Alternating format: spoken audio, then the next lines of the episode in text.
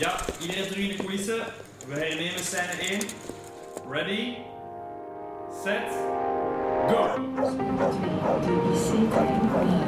De Proloog, een podcast van de Zendelingen. Jouw theaterinleiding voor thuis of onderweg. Hoi, ik ben Eva. En ik ben Jens. En in deze aflevering praten we je bij over de dansvoorstelling Unfolding an Archive van Zoe de Moustier. Maar wie nog niet helemaal bekend is met haar, wie is Zoe? Wel, Zoe de Moustier is een 26-jarige choreografe, danseres, theatermaakster, performer. En uh, in 2021 is ze ook ambassadeur voor uh, Dag van de Dans. En ze is nu ook aangesloten bij Ultima Ves. Maar nu komt ze dus met haar eerste danssolo naar buiten. En die danssolo, dat is een Folding Archive. Ja, absoluut. Um, in die voorstelling gaat ze eigenlijk al dansend het beeldarchief van haar vader verkennen. Haar vader is uh, Daniel de Moustier, oorlogsjournalist, cameraman. En uh, hij heeft eigenlijk 25 jaar lang het wereldnieuws vastgelegd op beeld. En de voorstelling van Zoe, een Folding Archive, is dus gebaseerd op het archief van haar vader. En dat archief is meteen ook, zeg maar, het archief van haar kindertijd. Wij leefden op het ritme van de wereldgebeurtenissen. Ik heb eigenlijk lang niet beseft wat dat die beelden of die job, wat voor impact die had op mij. Maar een paar jaar geleden ben ik me echt veel vragen gaan stellen over... Wie waren dan die mensen op die beelden? Vooral dat. En hoe kan je zo'n beelden maken en dan weer weggaan, zo...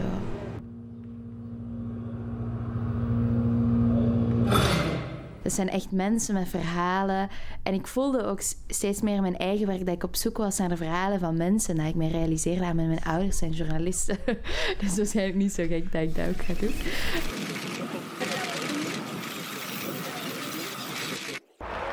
Eigenlijk, op een bepaald moment heb ik ervoor gekozen om het archief van mijn vader om echt te gaan bekijken. Opnieuw te gaan bekijken, ook bewust te gaan bekijken. Anders dan ik dat deed um, toen ik veel jonger was.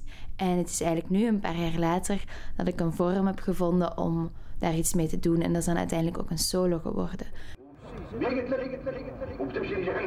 Ja, de nieuwsgierigheid heeft ze duidelijk van haar ouders meegekregen. Ze duikt in het archief vol belangrijke wereldgebeurtenissen, beelden die we allemaal wel kennen en die vormen de basis voor haar choreografie. Het voornaamste in de voorstelling is de relatie tussen beweging en geluid. Dus ik heb ervoor gekozen om de geluiden over te houden en niet de beelden. Omdat ik denk dat geluid op een hele andere um, manier vertelt en misschien ook een soort van meer emotionele, intuïtieve laag of zo aanspreekt. Um, terwijl we in een soort beeldcultuur leven waar we al zoveel geconfronteerd worden met heel veel beelden. Dus ik wil eigenlijk een soort collectief geheugen aanspreken. Um, want het zijn allemaal gebeurtenissen uh, die heel veel mensen gaan herkennen. Um, maar het geluid ervan komt misschien op een andere manier binnen. Ja, enerzijds onderzoekt ze hoe journalistiek werkt, maar ze vraagt zich ook af wat die bijzondere baan van haar vader met haar heeft gedaan.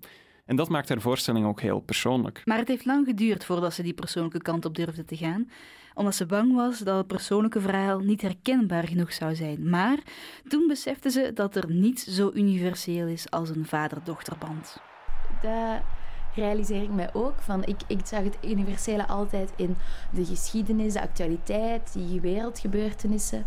En, uh, en nu merk ik dat een groot deel van de voorstelling ook gaat over relaties. En inderdaad, de relaties van vader en een dochter. En dat dus heel veel mensen net dat herkennen. Uh, net dat waarvan ik dan denk, ah, dat is het persoonlijke deel en de rest gaan ze herkennen. Nee, daarin herkennen veel mensen dingen. En dat is, dat is ook wel heel tof, dat die werelden kunnen samenkomen. En daarin merk ik ook dat het um, misschien wel verschillende leeftijden aanspreekt. Waar was mijn mama toen ze nieuws kreeg van mijn papa? Waar was ik toen ik dat zag op de televisie? Waar was hij toen hij bericht kreeg dat hij naar een nieuwe plek moest? En ik denk zo zijn die werelden uh, constant verbonden met elkaar. Um, ik was in mijn kamer toen ik Survivor luisterde. En op dat moment werd mijn papa beschoten in Irak. Zoe en haar vader leefden heel vaak van elkaar gescheiden. Maar nu in die voorstelling kan ze dus in dat archief duiken en de wereld en de geschiedenis zien door zijn ogen.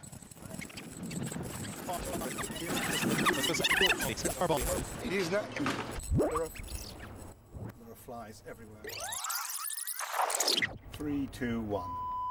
Al dat beeldmateriaal, al die uren er zijn, al die uren waarop hij afwezig was, heb ik nu kunnen bekijken. Ik denk dat dat iets heel bijzonder is. Dus je leert iemand op die manier wel kennen, maar niet in eh, het contact nu per se. En mijn vader is niet echt een prater. Spreken over ons of wat hij bij iets voelt is, is moeilijk. Dus ook over de voorstelling hebben we nog niet gepraat. Dus in dat opzicht is het, uh, voel ik wel voornamelijk mijn, mijn eigen zoeken naar contact. Ehm, contact met het verleden eigenlijk. Ja. Eh, het was heel bijzonder om het te doen toen hij in de zaal zat. Ja, ik, ik, was, ik ben nog niet vaak uh, zo geëmotioneerd geweest terwijl ik een voorstelling deed. Dat was heel raar. Het is ook helemaal niet mijn bedoeling geweest uh, om een soort therapeutische voorstelling te maken. Omdat ik denk, ik maak mijn werk om de dingen rond mij te begrijpen en ook dus om mijn vader te begrijpen. Um, zeker wel, ja. Maar een Folding Archive gaat zeker niet alleen over Zoe's vader. Nee, ook de moeder van Zoe heeft meegeholpen aan de voorstelling. Absoluut, en vooral met het onderzoekswerk. Ja, dat was mooi meegenomen natuurlijk, maar Zoe heeft ook meer bewondering gekregen voor haar moeder. Ik denk de afwezigheid van mijn vader werd eh, ingevuld door de aanwezigheid van mijn moeder. En zij was er altijd. En ik moet zeggen dat ik ook al vaak ontroerd was door ook nu pas echt goed te beseffen hoe belangrijk dat voor haar is geweest. Hoe um, hard haar leven dat ook heeft bepaald. En ik realiseer me nu pas uh, hoe vaak zij misschien wel schrik moet hebben gehad. Schrik die ik nooit heb uh, gehad. Niet alleen schrik voor mijn vader, maar ook gewoon uh, voor wat er allemaal in de wereld gebeurt. Als je zo nauw um, betrokken bent bij het nieuws en ook vaak de ellende in de wereld en daarin kinderen opvoedt dat moet niet zo eenvoudig zijn. We leren Zoe op verschillende manieren kennen. Als danser, als dochter van de bekende oorlogsjournalist, maar ook als kind en als jonge vrouw. Ik heb de voorstelling gemaakt als mm, dochter, um, maar ik heb hem ook gemaakt als danser in die zin dat ik, uh, ik er ook echt heel erg van genoten heb om um, terug op de scène te staan en terug echt te, te voelen dat, hoe belangrijk ik het vind om met mijn lichaam iets te vertellen. En hoe spannend het was om daar een uur lang alleen te staan. Dat wat ik zo hard nodig heb en ook zo eng vind. Maar ja, zo, zo is om te doen. En tot slot vroegen we haar ook wat ze hoopt dat jullie, haar publiek, zullen meenemen uit de voorstelling. Ik hoop dat het um, mensen doet stilstaan bij beelden, bij gebeurtenissen um, die we door, door de media, door een soort massa beeldcultuur heel veel billen krijgen, maar misschien niet altijd bij blijven stilstaan. Dus het is zeker geen vingerwijzen of mensen terechtwijzen, helemaal niet. Maar wel een ruimte creëren om op een andere manier die beelden te beleven, namelijk door beweging en door het geluid. En daarnaast hoop ik dat, net zoals het materiaal mij heel erg raakt, um, hoop ik dat dat ook gebeurt bij de mensen die er naar kijken.